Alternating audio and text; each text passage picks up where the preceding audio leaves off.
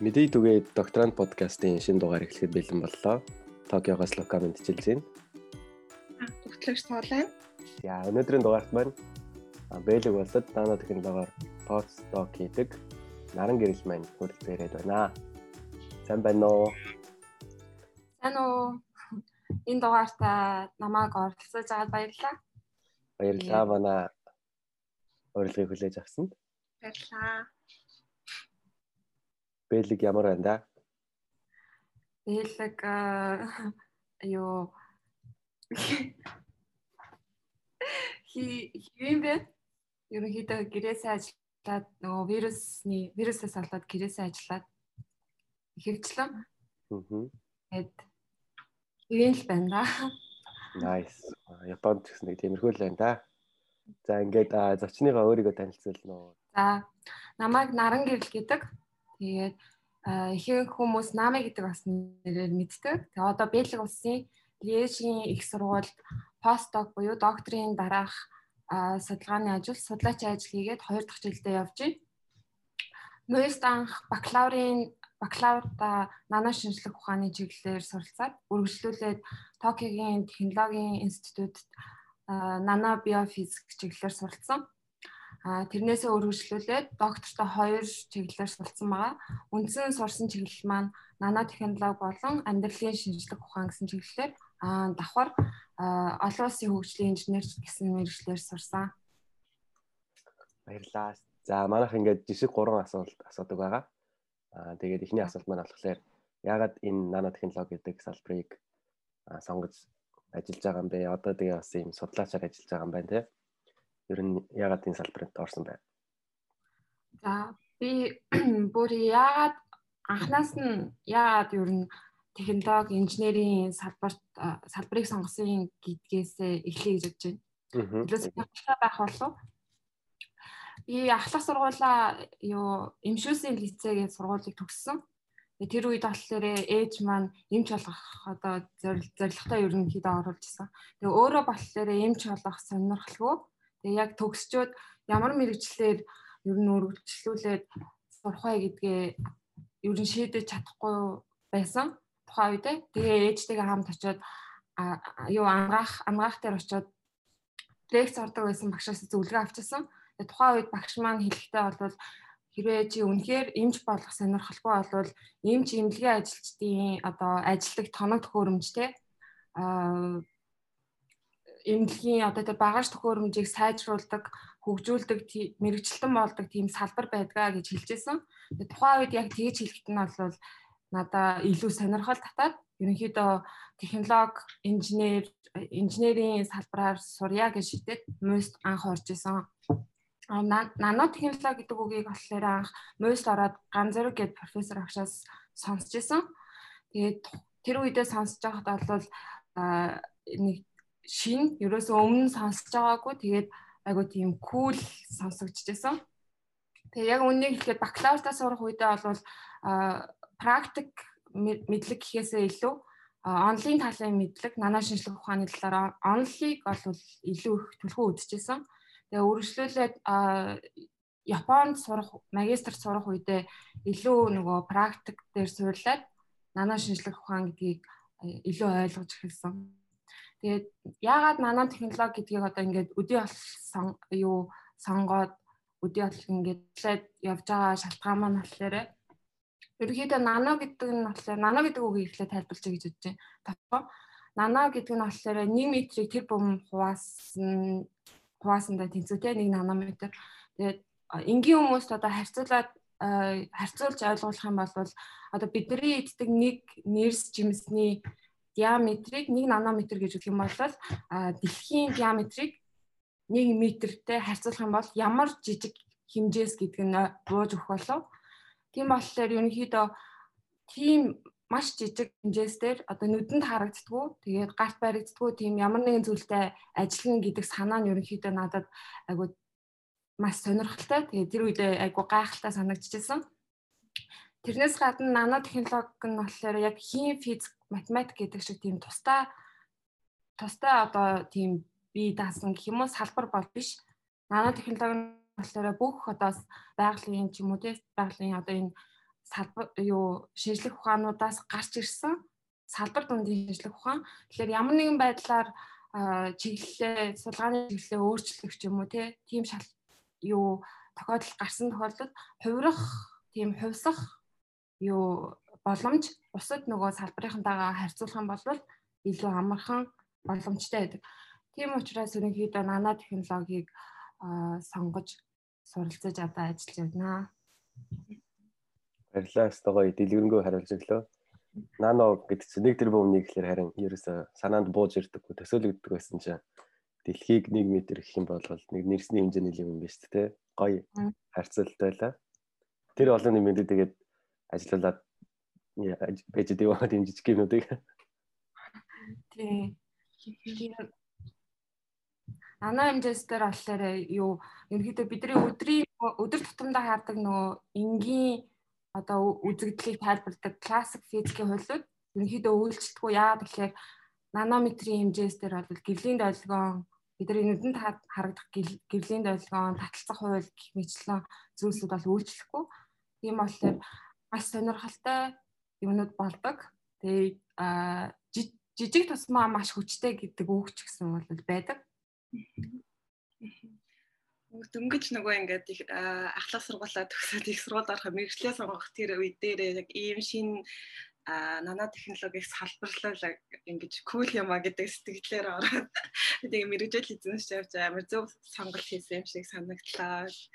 Аа тэгээд энэ технологи маань харьцангуй яг сая хэллээ те нөгөө яг би даасан яг нэг хим физик шиг салбар биш тэр бүх салбаруудыг яг одоо гол байдаг ч гэх юм ингээд бүх салбартай уялдаа холбоотой юм шинэлэг маш гой салбар юм шиг надад би өөрөөс яг их сонирхдаг. Тэгээ ангирлмын дараагийн асуулт манай жишээ асуултын нэг болох докторт авах хугацаанд юм уу? За одоо доктороо төгсөөд одоо бэлэгт хийж байгаа постдок байх хугацаанд хийж байгаа судалгааныхын талаар илүү асуумаар байна гэж бодлоо. Судалгааныхын талаар танилцуулаач. За тэгээ. Юу би одоо хийж байгаа судалгаагаа ярих гэж бодож байна. Одоо постдок одоо хийж байгаа судалгаа маань болохоор нано технологиор суйрлаад тэгээд ач холбогдол нь болохоор ангаах ухааны хэрэглээнд чиглэсэн байгаа. Тавчханы айлх юм бол бид нэр манай лаб нано машин дээр ажилладаг. Тэгэхээр нано машин гэд сонсонгууд за машин гэж сонсонгууд хөдөлт юм байна те. Тэгээд хөдөлгөтөө ямар нэгэн энерги зарцуулдаг одоо хөдөлгөөр ашигладаг гэдэг зүйл бол бууж байгаах тий. Тэгэхээр бидний хувьд болохоор нана хэмжээс дээрх тийм нана машинууд дээр ажилладаг. А тэдгээр машинуудыг болохоор бид нэр бол гаргаж авдаг. А юу хамтарч ажилладаг нөгөө Европын бусад одоо цэвэр хийм физик, цэвэр хийм биологоор ажилладаг судлаачд гаргаж аваад тэгээд бид нэр хиймлэр гаргаж аваад бид нар лөө явуулахаар нь бид нэр нано технологи ашиглаад тэдгээр машинуудын хөдөлгөөн тий хөдөлгөөд зарцуулагч байгаа энерги хүч гих мэтчлэн ерөнхийдөө биофизик талаас нь судалгаа хийж өгдөг. Тэгэхээр нано машин гэдэг нь болохоор хоёр төрлөдөг. А байгалийн хиймлэр гаргаж авсан гэдэг. А байгалийн нано машин болохоор бидний бие одоо тийм хүний бие махбодод бол зөндөө байгаа. Жишээлх юм бол кинез ингээд уураг байдаг. Эсийн дотор ингээд зөөвөрлөдөг те бүх юм зөөвөрлөдөг а хиймдэр гаргаж авсан нана машин болохоор сүүл үед яг одоо хөгжих дизайны шатан дээр явж байгаа. Тэгээд миний судалгааны ач холбогдол нь болохоор ерөнхийдөө хиймэл булчин тэгээ эсийн дотор яаж энэ зөөвөрлөх процесс явагддаг гэдгийг ойлгоход ашигтаагаас гадна бүр хитийн нөгөө ач холбогдол нь болохоор хорт хавтрын эсрэг үр дүнтэй ийм эмчилгээ гаргахад чиглэсэн. Өнөөдөр одоо хүн төрөлхтөнд шийдэж чадаагүй гол асуудлын нэг болохоор үр дүнтэй хорт хавдрын эсрэг эмчилгээ гаргаж авч чадаагүй байна тий. Ямар нэгэн байдлаар эрүүл одоо бусад эд эсэ гимтэйг ч юм уу тийм сөрөг одоо давхар нөлөө үзүүлж байна. Тэгэхээр бидний судалгааны ач холбогдол болохоор эдгээр нано машинуудыг ашиглаад а имийг одоо хот хавдрын эсрэг имийг яг тэр зөв одоо газараа аа яг очоод тэр одоо өвдсөн одоо хорт хавдраар өвдсөн эсийг эсийг одоо амгаах ч юм уу тий устгах тийм үүрэгтэйгээр ашиглах болов чиглэсэн судалгааны А ерөнхийдөө бол та нар бас сонсон байж магадгүй те ингээд нана робот, нана бот ингээд таны цусаар цуснд ингээд хийнгүүт цусаар ч н ороод ингээд таны одоо бүх ингээд өвчнийг ангаана гэсэн юм. Ерөнхийдөө энэ нь болохоор одоогийн байдлаар бол шинжлэх ухааны зөвнөл зөвнөл дээр бол явж байгаа. Яг одоо ингээд гаргаж аваад үнэхээр ингээд тэгсэн юм бол одоохондоо байхгүй. А харин яг энэ нано машинуудыг ашиглаад одоо ийм зөөвөрлөх юу юу зөөвөрлөх процесс хийж чаддаг нано машинуудыг ашиглах энэ нь болохоор одоо дизайны ч юм уу те ингэж гаргаж авах одоо хөгжүүлэх шатнд дээр яваад маш олон лабораториуд амжилттай хэрэгжүүлээд амтан дээр хүртэл туршсан тийм лаборатори бол байгаа. Нэг ясанда нано машин гэж авдаг юм байдаг шүү дээ. Хүн төрөлхтөн байглаасаа дандаа суралцж өгсөн. Вирус чинь бас ухаантай. Жишээ рүү ороод өөрийнхөө генетикийн мэдээлэлээ зөөвлж чадж байгаа тэр процессыг нь хэрэг судлаачдад авчих юм бол яг тэрнтэй адилхан процессор явдаг одоо хиймлэр гаргаж аваад гэхдээ өөр хүнд хэрэгтэй зорилгоор ашиглах юм. Аа тэгээ ангаах ухаанд хэрэглэгдэг нано машин гэхээр яг сая хэлсэнчлэн зүгээр яг уран зөгнөх шиг санагдчих юм шиг одоо бодит байдал дээр тэ эхлээд одоо бүр компани прототипууд хийгээд амтан дээр туршаад явж байгаа гэдэг сонсоход бас маш тааламжтай байна. Тэгээ нано машин гэхээр энэ бүтээгдэхүүн нано материал гэж бас судалгааны материалын судалгааны асуудлаас явагддаг баг. Эргүүлээд анагаах ухаантай холбоотой бид ороод ямар процесс явуулагдах уу гэж маш олон физик гэлтгүй ингээл олон шинжлэх ухаан хэрэгтэй юм шиг яг санагдчихээн. Тэгэхээр судалгаа маань ч гэсэн илүү айгүй их тийм том цаар хүрээнд явагддаг баг тий. Тэгвэл энэ шин салбар одоо нишийн салбар л гэж явна шүү дээ. Энэ салбар маань ер нь Монголд хэрэг өгсөн байт юм болоо. Саяас наргэрл маань өөрөө Монгол тахта одоо яг шинэ онлын талын мэдлэгийг ол Монголд мост авчээсан гэж ярьжсэн шүү дээ. Тэгэхээр бас Монголд хэр судалгаа явагддсан бол энэ салбар ер нь хэр байна гэдэг талаараас мэдээлэлтэй авах гэж бодож байна. За Монгол тал дээр миний мэдгээр тий намайг бакалаврт орох үед а мостер нано технологи нано шинжлэх ухааны лаборатори гэж нэгжижсэн. Миний санаагаар 2008 он баха. Одоо хүртэл ерөнхийдөө судалгааны ажлаа бол явуулдаг баг. А тоног төхөөрөмжийн хувьд болохоор хараахан одоо Герман ч юм уу тий Япон гээд яг энэ нано технологийн чиглэлээр тэргүүлдэг улс орнуудыг одоо хараахан өндөр яг энэ нано технологийн өндөр одоо сүүлийн үеийн тоног төхөөрөмж нь бол хараахан орж ирээгүй баг. Гэхдээ судалгааны лаборатори бол байдаг. А бүтээгдэхүүн үйлчлэл бүтээгдэхүүн үйлдвэрлэлийн хувьд болохоор миний сонсноор ганц хоёр нано бүтээгдэхүүн гаргадаг тийм компани байт юм билээ. Аа жишээлх юм бол нано protect гэж би сонсч байсан. Ингээ хувцсан дээрээ ч юм уу илгэн гутган дээрээ цацсангууд уснаас хамгаалдаг те хэр хэр болохоос хэр татаг болохоос хамгаалдаг аа тийм бүтээгдэхүүн байдаг юм байлээ. Тэгэхээр ерөнхийдөө Монголд олвол нано технологийн салбар яригадаад эхлээд явж байгаа, явцсан. Аа бүтээгдэхүүн гарсан гэдэг чинь ерөнхийдөө хөгжөөд үйлдвэр талаасаа хөгжөөд явж байгаа гэсэн. Тэгэхээр энэ салбар ерөнхийдөө энэ салбар маань ерөнхийдөө бол дэлхий дээр бол шин шин салбар. Ерөнхийдөө яг нано технологи гэдэг концепт нь бол 60-аад онд яригдсан. А яг энэ талын төслүүдийг санхүүжүүлээд бүр ингээд одоо нэг ширхэг атом молекулыг хардаг тийм хүчин чадалтай өндөр микроскоп тий тоног төхөөрөмжөд нь 90 оноос гарч эхэлсэн баггүй. Тийм учраас ерөнхийдөө энэ талын судалгааны тал дээр одоо түүхийн хэмжээний тийм ажил хийгдсэн түүхийн хэмжээний одоо ажил байхгүй. Бусад нөгөө салбартай харьцуулахад одоо тийм болохоор нөгөө шинээр гаргаж ирэх одоо судалгааны юм юу сэдв тий сонирхолтой зүйлүүд бол зөндөө байгаа. Тийм учраас манайд ч гэсэн хөгжүүлэхэд бол оюуны чадвар бол байгаа. Тэгээ энэ талын судалгааг яг аль салбартаа бид нэр оруулаад хэрэгжүүлэх юм бол бид нэр илүү ашигтай вэ? Одоо нэг ясандаа нийгэм эдийн засгаа бодоод бүх салбартаа одоо оруулах нь чишээ ингээ яг аль салбар нь салбарт нь оруулах бол биднэрт илүү ашигтай вэ гэдгээ тодорхойлоод хөгжүүлэлт илүү зөв бах гэж байна. Аа зөв зөв. Тэгэхээр би нэг өмнөх ярианаас яг нано машин гэхээр яг нөгөө ангаах ухаан за одоо drug delivery ч юм уу яг нөгөө хорт хавдартай хорт тавдрын имчилгээ гэх мэт зүйлд зориулагдсан байх гэдэг ангаах оны ойлгомж имиж авсан бол тэрч бас өөр талын ч гэсэн материаллаг материал дээр янз бүрийн материал дээр л хэрэглэгдэж болох технологи гэж ойлгож болох юм байна тийм. Тийм ер нь нано технологи нөгөө салбар бүх салбарт бараг хэрэгж болдог. Хөдөө аж ахуй, эрүүл мэнд, уул уурхай гэл. Аа. За. Стогой сонирхолтой байна те. Зөвхөн робот байд юм болов гэснээр тийм ховцос хамгаалах тийм цацдаг юм нэрээ хэрглэж исэн юм байна. Айгу шавар өнтер болдог юм байл ч те готлон дээрээ цацчихлаа. Тэгвэл айгу гоё технологи байсан байна тэгвэл. Тэгвэл өөр юм асууяас аа ер нь одоо постдок гэж хийж байгаа шүү дээ. Ер нь яг ямар хөө ажил байд юм болоо постдок гэж. Аа постдок болохоор ерөнхийдөө докторийн зэрэг авчаад тэгээ дараагийн судалгааны ажил гэсэн үг тий. Аа ер нь одоо судлаач гэсэн үг л дээ. Тэгээд уус усаасаа шалтгаал тийм л миний одоо зарим уус болохоор илүү одоо оюутан талдаа гэж явдаг бол зарим уус болохоор би даасан одоо ажилтан гэдгээрээ явдаг. Европт болохоор би даасан илүү нөгөө ажилтан гэдэг утгаараа явдаг. Судлаач ажилтан. Тэгээд докторийн оюутнуудыг бодвол тийм 100% бие даасан. өөрөө 100% бие дагаа судалгаагаа хийгээд оюутан байх үетэйгээ харьцуулах юм бол нөгөө багштайгаа ингээд байнга тэгээд ах шаардлагагүй аа илүү чөлөөтэй л байдаг.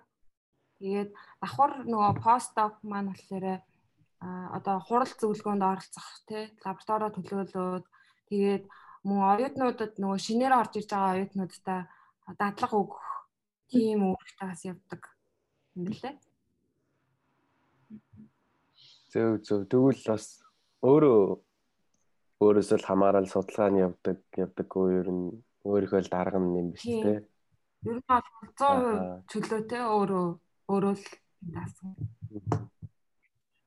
Тэгэхээр ер нь яг хоо үр дүн хэдийн хугацаанд гарах хэрэгтэй гэсэн тийм зүйлүүд бас байдаг бах тий. Тийм тэр бол нөгөө лабораториос шалтгааллаад тэгээс профессороос бас шалтгаалах Миний хувьд болохоор миний одоо байгаа лаборатори харьцангуй чөлөөтэй. Тэгээ багш маань ч гэсэн аа ер нь ингээ хүмүүсээ тийм чөлөөтэй тавьчихдаг стилийн багш гэх юм.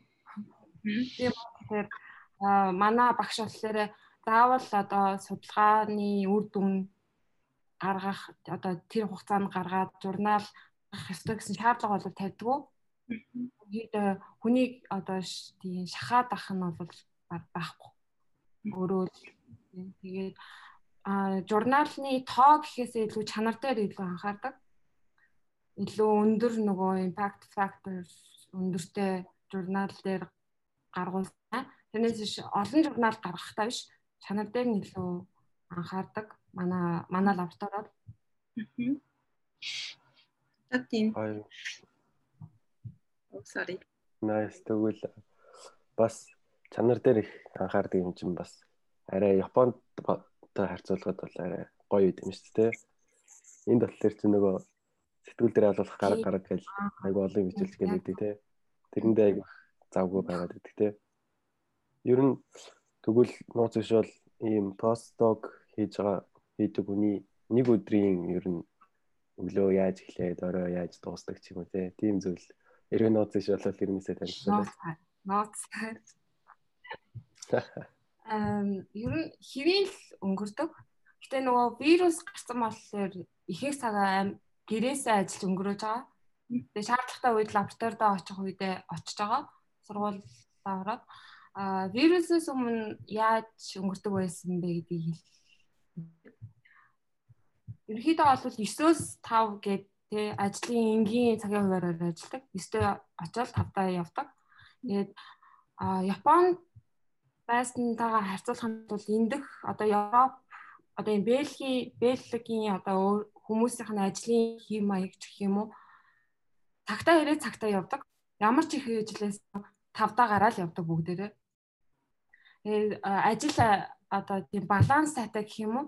Ажил амьдрал би ч гэсэн яг эхлээд жоохон уусаад ажиллахад жоохон эвгүй ингээд яг ингээд цагтаагаараа явчихгонгод Тэгээ сүүлийн ингээд өөрөө ингээд дасаад гэсэн ингээд за цагтаа гараад явдаг ингээд ажил байсан ч гэсэн.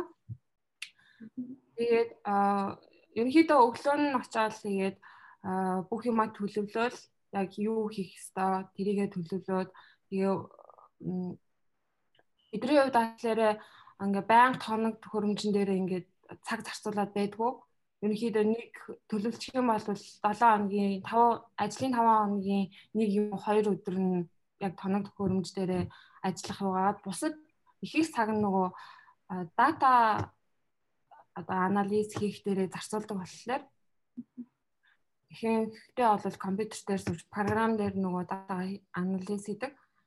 Тэгээд өдрийн цагаа болохоор лабораторийнхоо бусад найзуудтайгаа өдрийн цагаа өдрийн хоол идэн тэгээ тэр үеэр болохоор бид нэр ажиллаас өөр сэдв ярьдаг. Айгу хөвгчлээ. Тэгээ манай лабораторийнхан болохоор маш хөвгчлээ баг миний өмнө амьдралдаа байсан хамгийн хөвгчлээ хамт хамт ажиллаж байгаа хүмүүс маань баг гэж хэлэхэд баг буруудахгүй. Тэгээд тэгээд ерөнхийдөө тийм нэг тийхүүл өнгөрдөг. Тэгээ багштайгаа шаардлагатай болвол уулзах ч юм уу тий. Тийм бас уулзлууд хийн семинар вирус гарснаас хойш бүх юм онлайн болсон семинар семинар хуралдаас оролцох байсан хурлууд маань цоцлогдсон. Вируснаас л тэгээд их цагаа гэрээсээ л өнгөрөөж байна. Сая постдогийн асуултаа солиултаад бас ягаад л нөгөө нэг доктороо төгсөөд компанид судлаачийн ажиллаар ч юм орлогоогоор постдогийг сонгосон шалтгааныг нь сонсомоор санагдлаа. Аа тэгээ шалтгаан болон одоо яг энэ нано технологид хамгийн хөрөнгө хайж чадж байгаа тийм дэлхийн том компани ямар компани байдаг вэ? Тим компанид ажиллавал илүү нөгөө нэг ингээд практик тал руу одоо зөвнөл байгаа тэр зүйлийг илүү практик тал руу хөгжүүлээд явах илүү боломжтой юм шиг санагдсан байхгүй тэр талаар юу? Тийм ам постдогист хийх болсон шалтгаан маань болохоор би бас яг нөгөө доктороо төгсчөөд хувийн салбар тий үл хувийн салбарт ажиллах уу академик талдаа ажиллах уу гэд бас шийдэж чадаагүй байсан. Тэгээд ерөнхийдөө Монгол буцаад ажиллахаар шийдээд Монгол буцсан. Тэгээ бас их сургуульдаас нэг хажуугаар нь ажил үзсэн л те. Нэг хувийн их сургууль. А өөр тэгээ академик биш салбартаас арай бизнес тал руугаа ч юм уу тэр салбарт ажилласан. Тэгээ ер нь өөрийгөө нэг ажиллаад ямар байгаа мэдээ гэж бодоод тэгээ яг ажиллаад үтсэн чинь за би ер нь бол хувийн салбарт бол тохирохгүй ер нь академик талдаа тохирох хүн юм байна гэдгээ мэдээд тэгээд за постдок ер нь хий хийжээ тэгээд үргэлжлүүлээд дараа нь одоо tenure track гэдэг нөгөө профессор болох ч юм уу те тийшээ ер нь ингээ академик тал руугаа ажиллая гэд шийдсэн. Шалтгаан нь болохоор хүн хүний нөгөө нэг хувийн характер ч юм уу тэрнээс болов хата миний хувьд болохоор академик ажиллах юм бол илүү эрхчлөөтэй. Тэгээ өрсөлдөө өрсөлдөх одоо ажиллах орчин нь өрсөлдөх өрсөлдөх нь илүү бага. А бизнесийн салбарт ажиллахад илүү өрсөлдөө ихтэй тэгээд яг нөгөө хийх ёстой юм аа хийх ёстой тий дээрээс зааварсан юм а хийдэг. Академик болохоор илүү чөлөөтэй өөрийнхөө ажил өөрийнхөө одоо цаг цагийн хуваараа ажилладаг. Тэгээд өрсөлдөө илүү багтай 50 тэр шалтгаанаас нь болоод ер нь би академик талдаа хүн юм байна гэдгийг бол маш сайн ойлгож авсан. Тэгээд а нано технологийн чиглэлээр өндөр одоо нэр хүндтэй компани хэм бол Герман Герман бол хамгийн анх юу нь бол нано технологиг баг гаргаж ирсэн улс гэж би бол боддог. Тэгээд Япон. Герман, Япон. Тэгээд Америк. Эдгээр улс. Миний мэд IBM гээд бүр нөгөө анхны одоо тий бүр ингээд нэг ширхэг атомуудыг ингээд өрөөд юу тийм юу гэх юм бэ өөрсдийнхөө лого хүртэл IBM гэдэг нэг атмаар ингээ хийцэн. Тийм юу нано технологиг ашигладаг тийм хүчтэй юу танаа төхөөрөмж гаргаж ирсэн компани. Тэр IBM-ийг миний мэдхээр бол IBM гэж бодож байна. Тэгээ өөр бас зөндөө компаниуд байгаа. Цаата судалгааныхаа хадаа холбоотой нэг э, асуумаар санагдлаа. Сайн нөгөө яг нэг нэг атом гэдэг. Би бас саяхан нөгөө Facebook-ээс үзэж байгаад яг нэг нөгөө нэг ширхэг атомыг нөгөө atomic force microscope-оор ингээд авсан зураг гэдэг айгу гоё цараг яг нэг харж ирсэн байхгүй. Тэрнээсээ одоо энэ нана технологийн судалгаа мэдээж нэг атом дээр явагдана ингээд за medical талдаа ярих юм бол ингээд нэг эс дээр л ажиллагаа явагддаг баг Тэрнээс одоо яг а манайхуудын лабораториудаас зөвхөн нөгөө нэг хэсэг ингээд ингээ хоёр талаас нь бариад хэлбэрийн сонгодог ч юм ингээд нэг хэсэг яг ингээд барих зорилттой нэг тийм робот хөгжүүлдэг багшаас байсан байхгүй юу. Ер нь тэрэн шиг одоо судалгааны тэр нарийн юмыг одоо обжект алгаж ашигладаг учраас судалгаа хийхэд ер нь хэр төвхтэй байдаг вэ? Тэр тусмаа одоо нэг хэрэгтэй техник технологи гээл тэгэхэд маш маш их хэрэгтэй юм шиг санагч байна. Тэр лабораторийн одоо материалын хэрэгцээнүүдийн талаар. Тийм. Лабораторийн одоо тэр таныг төхөөрөмж хэрэгжилж байгаа юмнууд нь ер нь бол үнэтэй. Маш үнэтэй. Тэгээд чиний хэлдгээр бол тэр нэг ширхэг ис, нэг ширхэг атомтай ажиллана гэдэг бол маш сорилт өндөртэй. Тэгээ энэ талын салбарт ажилладаг хүмүүс ерөнхийдөө бол би цөөхөн гэж боддог. Гэтэ бол зөндөө байгаа. Тэгээд яагаад сорилт өндөртэй вэ гэж бодглохлоор тэр нэг ширхэг одоо эстер чи аваад үзэхэд нэг тэр нэг ширхэг эсийг одоо тэгээд пик ап хийгээд аваад тэгээд судалгаа хийхийн тулд тэр чинь одоо тэгж пик ап хийхийн тулд бас нэг нанометрийн хэмжээстэй нэг авдаг төхөөрөмж бас ашиглах нь да. Юу гэх юм да одоо. Тэгэхээр баг одоо маш одоо юу нэгт нэмба байх бүр дээд зэргийн нэгт нэмба ажиллахыг шаарддаг. Тэгээд орон зайн сэтгэлгээтэй бас байхыг шаарддаг. Тэгээд хамгийн нэгт бол нэгт нэмба бохирдлоос бол 100% юу хамгаалах одоо судалгааны үеэр яа тэгэхээр одоо бидний ингээд амьсгал хүртэл нөлөөлөх юу тийм хүчтэй. Одоо ажиллах байгаа юмныхаа хажууд ингээ амьсгалах юм бол тэр амьсгал хүртэл нөлөөлөх тийм юу нөлөөтэй учраас дээд зэргийн нэгтнэн байхыг бол шаарддаг. Энэ талын судалгаа. Тэр утгаараа нано технологийн лаборатори, бусад лабораториудыг бол маш цэвэрхэн зохион байгуулалтаа айгуу сайтай байдаг ер нь ажиллахад. Угаасаа тэр байхыг шаарддаг болохоор ага одоо агаараас хүртэл ингээд тоосон цар нөлөөлөх юу боломжтой учраас Таны хариултыг сонсоодаас ингэж асуумаар санагдлаа. Ягаад анх нөгөө Герман улс яг нано технологи гаргаж ирсэн гэж хэлж байна те. За мэдээж одоо Eastman гэхэд л micro scale-тэй. Ягаад ер нь хүн төрөлхтөн анх хүн төрөлхтөө ингэж нано технологи гээд нано scale дээр ажиллая гэж ягаад ингэж тэгээд тэр энэ технологи гарч ирсэн болоо тэр амар сонирхолтой санагдлаа. Тэр талаар юм нэг юм. Аа тийм юм яагаад заавал юмыг ингэж жижиг хэмжээсээр судалж ажиллах байна тийм ажиллах нэг шиг молекул дээр судалгаа их шаардлагатай юм гэхлээр.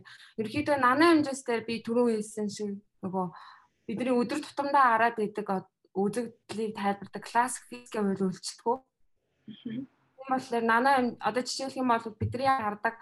Алтыг жишээгээр их авдаг алт ингээ нүдэнд харагдах шар өнгөтэй нанометрийн хэмжээстэй бүдэнгийн ингээ бутлаад харах юм бол шар ногоон цэнгэр гэсэн өнгө өгдөг. Тэгэхээр ихэдөө шинж нанометрийн хэмжээсээр болохоор шинж ямар нэгэн зүйлийн шинж чанар өөр шал өөр байдаг.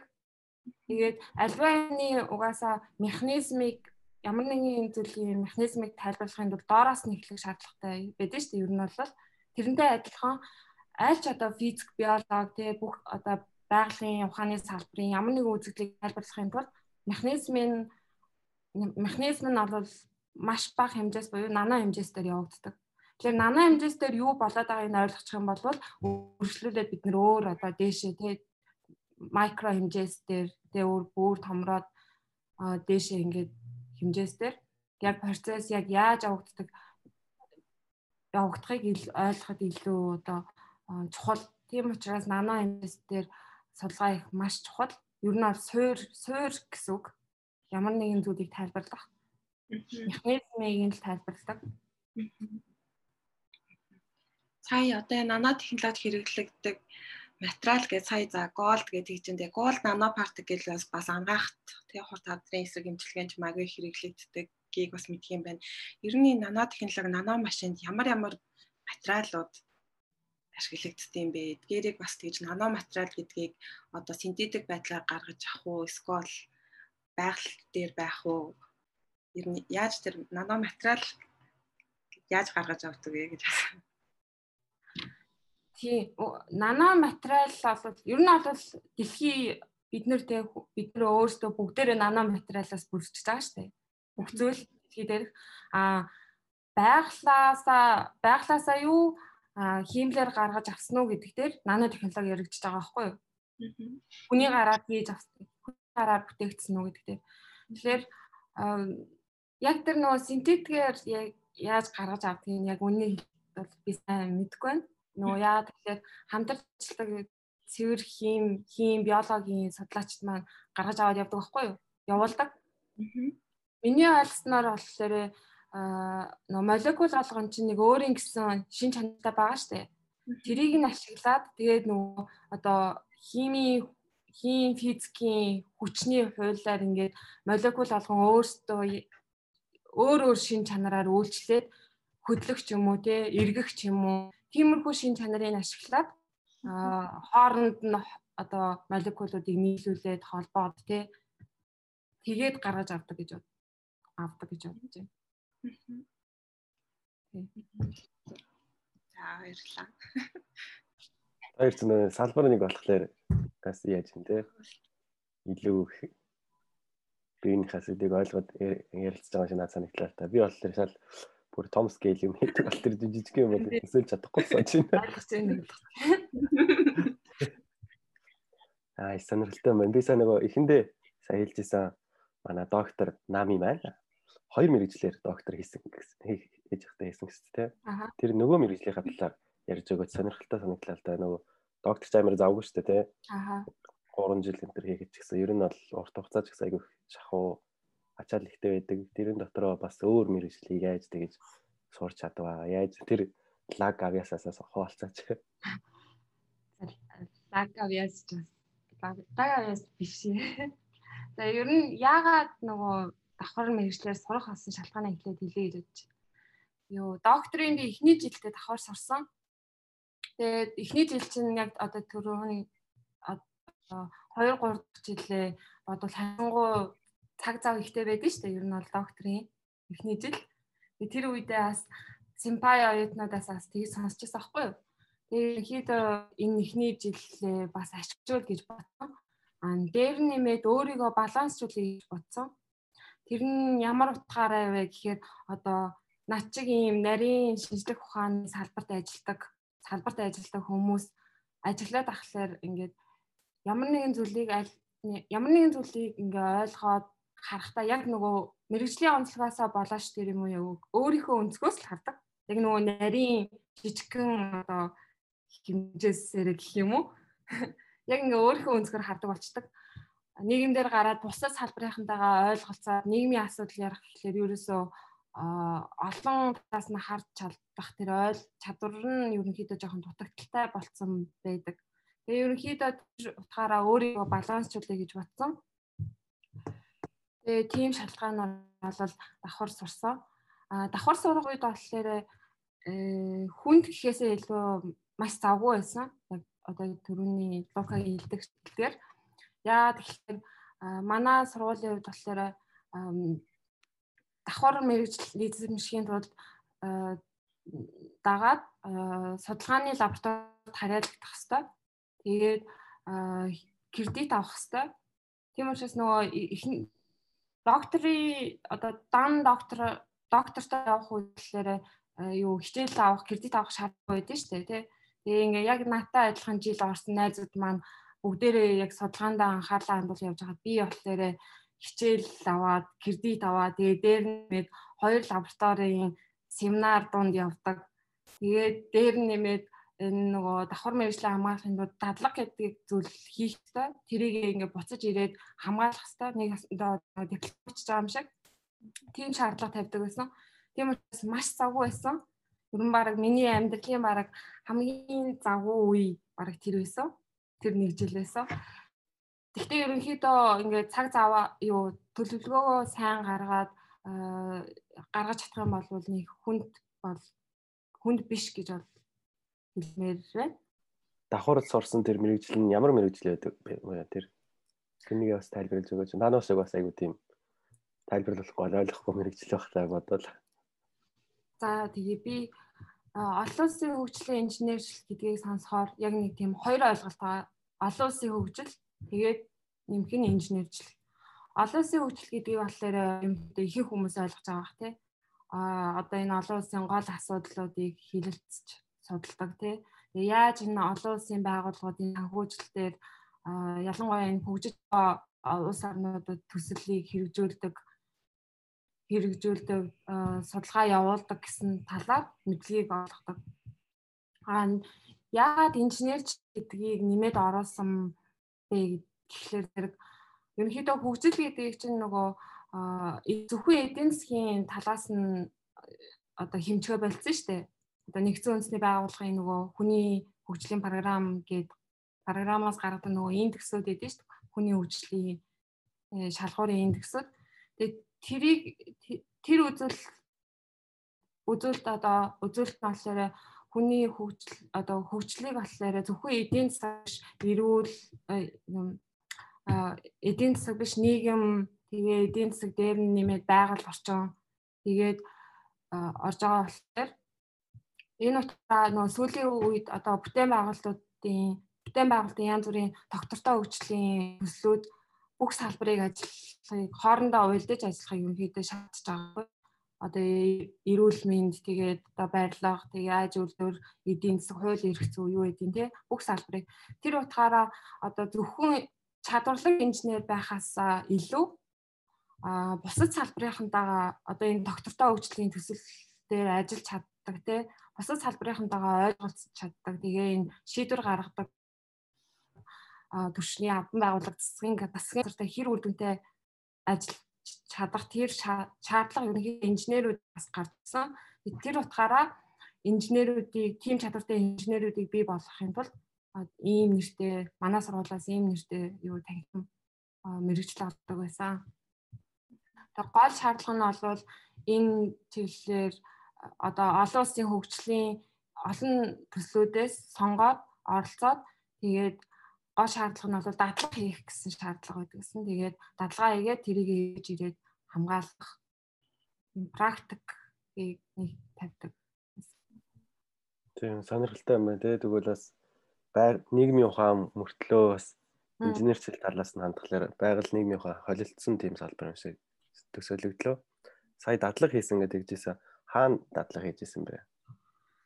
Аа дадлага би юу азар миний нөгөө яг энэ давхар мэрэгчлэр орсон лаборатори маань юу Монгол бүр 90-ад оноос боловсролын талын тийм хөгжлийн төслүүд явуулдаг гэсэн лабораториж сарсан. Тэгээ тэр дундаа хөдөө орон нутгийн баг боловсролыг сайжруулах, хүний хөгжлийг сайжруулах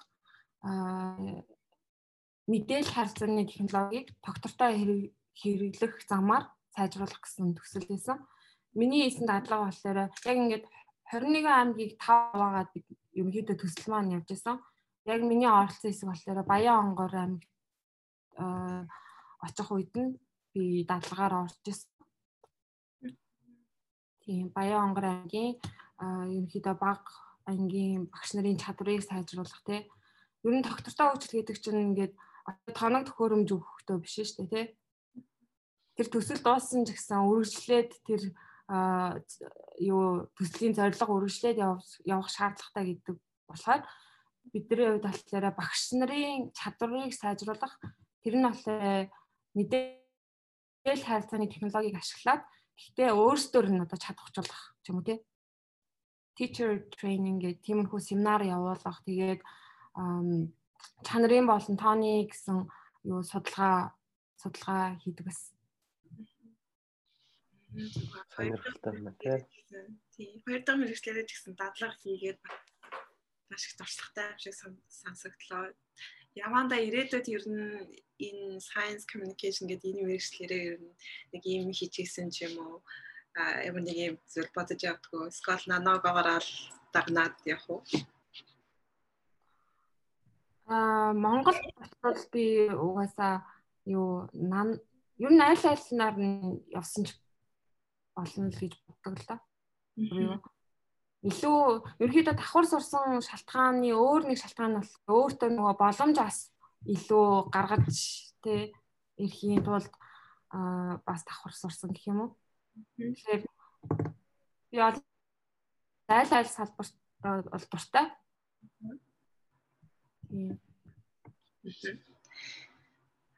Эргүүлээд бас нэг судалгаа тэнцээ холбоотой юм нэг юм асууж гэж бодлоо. Одоо дэлхийд даяар те бид ковид гэх энэ вирусаас болж хүн болгоно маш их зовлон бэрхшээл шаардагдчихээн. За энд холбогдуулаад вакцины асуудлууд маш их яригдчихээн те. Тэгвэл унаа нанаа технологи нанаа машин гэх энэ салбар маань яг одоо вирус вакцин гаргаж авах юм дээр маш их эргэлттэй тэм технологи юм шиг санагцсан. Энэ талын мэдээ мэдээлэл нана технологи маань энэ вирус вакцины тал дээр хэрхэн одоо нөлөөлж байна, ямар нэгэн судалгаа явагдаж байгаа болов ямар байдлаар нөлөөлж болох вэ гэдэг ямар нэгэн тиймэрхүү мэдээлэл байна. Тийм тэр талын судалгаанууд айгүй их нөгөө вирус гарснаас хойш зөндөө гарсан байлээ. Би бас харсан. Гэтээс яг нарийн юу бас мэдээлэл одоохондоо би бол мэдээгүй л юм л да. Гэтэ одоо нано технологи дээр сүрлээд нөгөө вирус одоо коронавирус нэг ширхэг нэг ширхэг яаж харилцан үйлчлэлтэй орж ийн гэдэг судалгааны пейперүүд бол маш их гарсан байлээ. Тэгээ тэрийг мэднэ гэдэг чинь нөгөө вакцин гаргахад маш хэрэгтэй. Нөгөө биологчид тэгээд бусад судлаачтай айгүй хэрэгтэй. Яаж тэр вирус одоо эстэй эхлээд үйлчлэлд орж байгаа шүү дээ. Хүний эстэй. Тэнгүүт тэр механизмыг нь бас тэр чинь наад төвшөнд л сурдлаа шүү дээ. Нэг ширхэг эстэй харилцахын тулд тэгээ ямар хүчээр, ямар үйлчлэлээр, ямар энерги зарцуулж тэр бүх нөгөө талын биофизикийн датануудыг мэдчихэж дараа дараагийн одоо вакцин гаргах өөр одоо дараагийн түвшний судалгаануудад суур болж өгөх ёстой учраас яг энэ вирус гарснаас хойш нано технологийн ашиглаад ковид ковидын вирус дээр хийсэн судалгааны пейперүүд айгүйх гарсан байл. Nice тэгвэл энэ энэ вирус ингэдэм байх шүү гэд хэлээд өгөнгүүд за тэгвэл тэр вирусыг болгож тавихын тулд ингэ ийм хийх юм байна гэж ажиллах юм шүү дээ. Ер нь дараалал нь бол Тийм ер нь механизмыг нь эхлээд эхлээд бид нэр ойлгох хэрэгтэй шүү дээ. Яаж очиод эстэй эс рүү ороод ингэж юм тэрийг тэрийг ойлгохын тулд яачгүй нано хэмжээстэй нано техник ашиглах шаардлага гарч ирж байгаа. Тэгээд дараа дараагийнх нь судалгааны түвшин өргөжтэй салбарлаад. Аа. Дахиад нөө давхар мэрэгжлийн science communication. Аа. Тэрийн талаар бас өшөө яриулъя гэж бодож байна л да. Ер нь ингээд шинжлэх ухаан гэх юм Монголд ялангуяа тийм байгалийн шинжлэх ухааныг нэг илүү чухалчилж үздэггүй юм шиг надад санагдаад идэг л да. Тэгээ ер нь ингээд өөр Японд доктор Бэлэгт ингээд пост док хийж хахад ер нь бусад улсууд ер нь юм шинжлэх ухаандаа ер нь яаж хандж байгаа тийм тиймэрхүү сэтгэл байдаг уу? Тийм. Юу яг чиний хэлснээр одоо нөгөө шинжлэх ухаан гэдгийг одоо хүмүүс те ихэвчлэн тэгээ бага насны хүмүүсээс сонсохоор хүнд байдлаар ойлгодог те бас уйдгартай байдлаар ойлгодог. Тэгээд яаж шинжлэх ухааныг үр дүндээ юу хүнд хүргэж те нийгэмтэй харилцах бай гэдэгтэй шинжлэх ухааны харилцаа яригддаг. Тэгээ энэ салбарт ажиллаж байгаа хүний хүний хувьд те ажиллаж байгаа сурж байгаа хүн болгоны хувьд миний бодлоор бид нэр өөрсдөө мэрэгжлийн үг хэллэг бас те яг ингээ жинхэнэ утгаараа энгийн хүнтэй ойлголцож чаддаг тийм чадвартай авах шаардлага бол гарч ирдэг. Тэр одоо ер нь бол судлаач эрдэмтч чинь бидний одоо бүхий л нөгөө энэ судалгааны ажил чинь ажлын санхүүжилт татвар төлөгчдөөс гарч байгаа шүү дээ. Тэр тэр утгаараа нийгэмд нөгөө ажиллагаа тайлбарлах тэгээ ил тод ойлгох үүрэгтэй байдаг. Гэхдээ одоо хуралч хуулган яваал те пейпер гаргаад журнал гаргаад мэрэгжлийн үхэл энэ нь болохоор зөвхөн өхөл дундаа л яваад байгаа байхгүй юу? Ерөөсөө одоо энгийн хүн тэр олохоо мэрэгжлийн үг хэлэхдээ журнал ороод унших нь ховор те. Ороод уншия гэсэн ч зарим тохиолдолд нөгөө их усүрний хязгаарлагдмал байдаг. Тийм болохоор яаччгүй биднийг нөгөө хүрээллээсээ гараад нийгэмтэй харьцах хэрэгтэй гэсэн шаардлага гарч ирж байгаа. Тэгээд тэрнээс гадна олон нийтийн шинжлэх ухааны ойлголт мэдлэг нэмэгдэхийн хэрээр тэр чинээгээрээ одоо цаашлаад одоо шийдвэр гаргах төвшөнд хүрнэ тий улс төрчдөд ч юм уу хүрнэ тэгээ бүр цаашлаад одоо бидний нийт бүтээгдэхүүнд Монгол одоо Монголын хувьд ямар бага хувийг зарцуулдаг вүлээ тэр нь тэгээд нөлөөлөх хүртэл нэмэртэй Тийм учраас аль миний бодлоор альва нэгэн зүйлийг хэрэг өөрчлөе гэж бодож байвал багаас нь эхлэх хэрэгтэй, өөртөөсөө эхлэх хэрэгтэй. Тийм учраас энэ салбарт ажиллаж байгаа хүмүүсийн хувьд ч гэсэн өөртөө өөртөө ядаж тэ мэрэгжлийн үг хэллэг гэхээсээ илүү аль болох энгээр тэгээд хүмүүсийг татах хэрэгтэй татах одоо хэрэгтэй гэдэг нь үр дүнтэй шинжлэх ухааны хэлцээ хийх хэрэгтэй. Энэ нь одоо дэлгэрүүлээ ярих юм бол одоо жишээлбэл Монголд бол шинжлэх ухааны э, байгууллага хүрээлэнгүүд олон нийтэд харилцах тийм үйл ажиллагаа явуулдаг юм билээ явуулдаггүй биш явуулдаг. Гэтэ хэр үр дүнтэй вэ гэдэг дээр асуудал байгаа байхгүй юу? Аа хурал одоо үзэсгэлэн зохион байгуулах те семинар байгуул семинар лекц тавих сүүлийн үед подкастууд бас нэлээд гардаг болсон мөлий. Гэхдээ нөгөө нэг хүн гэдэг зүйл нөгөө би одоо өмнө нас нэг музейд дадлага хийжсэн баггүй юу? Шинжлэх ухааны музейд. Тэн хийж авах хугацаанд юу ойлгосон бэ гэхээр хүн аливаа нэгэн зүйлийг ойлгох ойлгоход хөгжилтэй чөлөөтэй орчин маш чухал. Ямар нэгэн зүйлийг хүн чөлөөтэй хөгжилтэй орчинд л ойлгоход бол үр дүнтэй байдаг. Одоо жишээ тэр шинжлэх ухааны музей дээр маш олон тийм нөгөө үйл ажиллагаа явуулж байгаа байхгүй юу? Тэгэхээр нэг жишээг нь татхлаар одоо жишээ нь stand up comedy тий хошин шаг ашиглаад бүр ингээд хүний ойлгоход хэцүү онлын ийм шинжлэх ухааныг насанд хүрэгчдэд тайлбарлаж байгаа байхгүй юу. Тийм одоо юу гэх юм бэ хүнийг татах маягаар хүнийг чөлөөтэй тийм чөлөөтэй хөгжилтэй орчинд ямар нэгэн хүн хүрэхэд илүү үр дүнтэй. Тэрнээс иш одоо яг хуу бага насны хүүхдүүдийн хувьд болохоор нөгөө анги танхимаар ингээд шинжлэх ухааны мэдлэг ингээд хичээлээсээ авч байгаа шүү дээ. Тэжлээд өнгөрөхөд нэг өөр А өөртөө ингээд нүдэрэ хараад одоо музей соёлын байгууллага ялангуяа маш чухал. Тэрийг бас хэлмээр байна. Музей соёлын байгууллага бол энэ тал дээр үнэхээр чухал. Гол их үүсрэн э, бид нар бол бүр маш сайн хамгаалж одоо хайрлах хэрэгтэй. Яагаад тэгэхээр музейгээр соёлын байгууллагаар дамжуулаад олон нийтийн шинжлэх ухааны юу ойлголт бас ойлголт ойлголтын гол их үүсэр байдаг. Тэрнээс гадна бас бага насны хүүхдүүдэд энэ энэ энэ салбарт одоо карьера хөөх ч юм уу тий урам зориг өгөх тэр гол их усүр нь энэ байгууллагууд идэг. Яа тэгэхээр нөө одоо хүүхд одоо хичээл дээр ингээд чэйжлээд өнгөрөхөд өнгөрөх нь болохоор үр дүн илүү багтай. Харин өөртөө ингээд юм сүзгэлийг энгийн сонирхолтой байдлаар тайлбарлаж өгөх юм бол илүү үр дүнтэй оновчтой яг тэрнтэй адилхан бага насны хүүхд гэлтгүй ер нь бүх насны хүмүүс адилхан л гэж би боддог л доо. Тийм байна те бас яар сонсож байгаад бас их адилхан сэтгэл төрлөл л дөө. Тэгээд stand up comedy-гоор шинжлэх ухааны онолоодыг тэгж хүмүүст хүргэдэг нэг гоё жишээ байна тий. Тийм хэлэх юм бол бас айгүй. Нэг жишээ нь тэрнээс өөр бүр амар олон гоё жишээнүүд байгаа байхгүй юу? Би бүр ороод бүр ингээл ангаал гарсан. Тэгээд музей гэхээсээ илүү бүр яг ийм парк шиг гэх юм уу? Шинжлэх ухааны парк шиг тий. Тийм бүр ингээд амар гоё. Хийж байгаа үйл ажиллагаанууд нь энгийн хэрнээ шинжлэх ухааныг бүр маш энгийн төвшөнд хүнд хүргэж чадж байгаа байхгүй юу? Тэгээд татаж чадчих хөгжилтэй ах гэдэг юм бол үнэхээр тол юм байна гэдгийг бас. Аа. Монгол гэсэн ч одоо ганц байсан музейг нураацсан байгаа шүү дээ. Байгалийн шинжилгээ ухааны ганц музейтэй байсан чи. Тийм ээ тий. Боож Би ч гэсэн ер нь боож өгөх шахсал та. Ихний тэрийн яагаад яраг сонсоод бас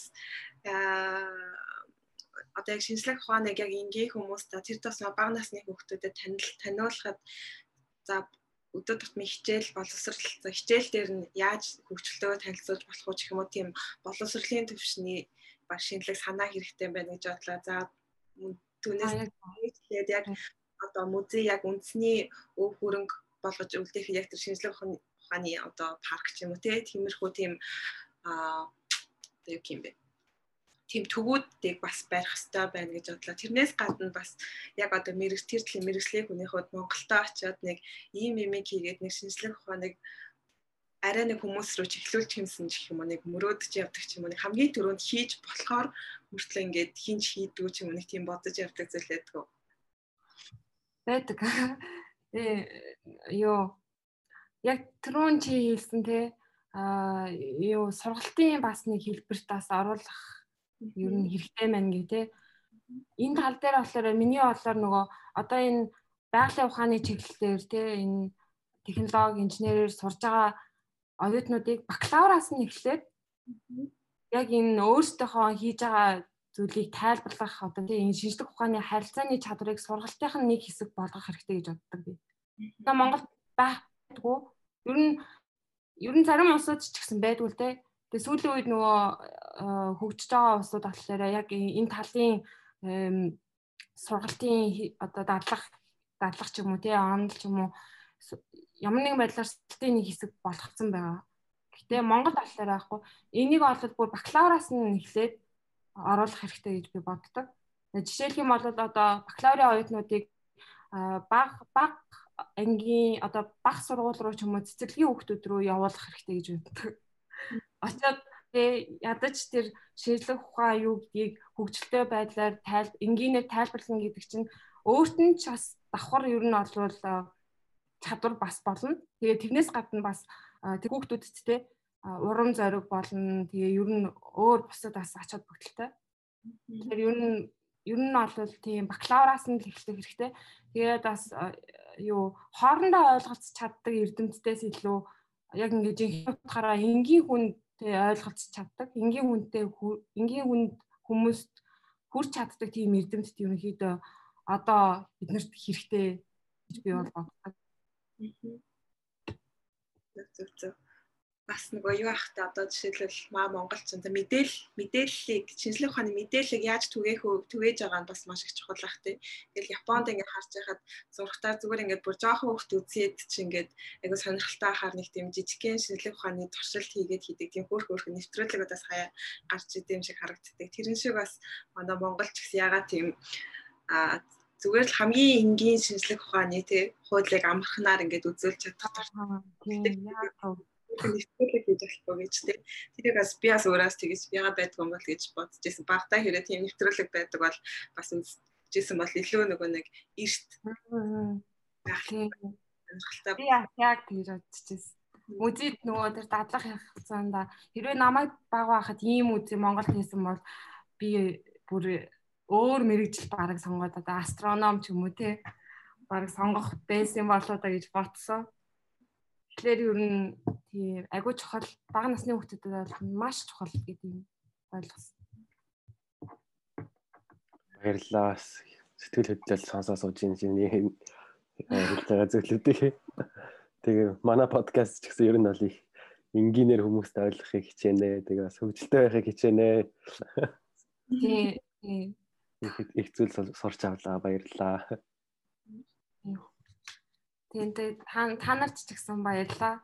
Юу бидний одоо ингээ ярьж байгаа ч гэсэн science communication шүү дээ. Ер нь бол нэгэсэндээ шинжлэх ухааны харилцаал бид нар хийж гэсэн. Тэгэхээр та нарын хийж байгаа ажлаас айгу буянтай ажил. Тэгээд бас ингэж уурж орцуулж юу ярилцсан бас баярлалаа. За ингээд бидний арай маань маш шинэ санаа хоёр мэрэгжлийн талаар маш өөрөө өгөөж яриа өрнөлээ. А тэгээд зочноосоо сүүлийн асуулт олгоод өөрөө ингээд энэ нана технологи гэсэн шинэ мэрэгжил дээрээс нь хүн болгоны эзэмшээд байдгүй анхаарлаа хандуулад байдгүй science communication шинжилгээ ухааны харилцаа гэдэг энэ мэрэгчлэр давхар эзэмсэн хүний хувьд яг энэ шинжилгээ ухааны мэрэгжил рүү мэрэгжлийг сонгох гээд эргэлзээд байгаа ч юм уу мэрэгжлээ сонгоход юу сонгохоо мэдэхгүй байгаа оюутан залуус одоо дөнгөж ахлах сургуулаа төгсөөд байгаа энэ залуу хүүхдүүдэд юу гэж зөвлөмөр байдаг вэ? Одоо тэднэрт хандаж зөвлөмж хэлвэл юу гэж хэлэх вэ хэрвээ эргэлзээ тавил би бол эргэлзэж байгаа юм а хоёулын хоёр ч юм уу те гурав ч юм уу бүгднийг туршаад үзэх хэрэгтэй гэдэг шүү дээ. Тэгээд яг хоо цаг зарим хүмүүсийн хувьд бол нөгөө цаг хугацаа алдчихээн ингээ.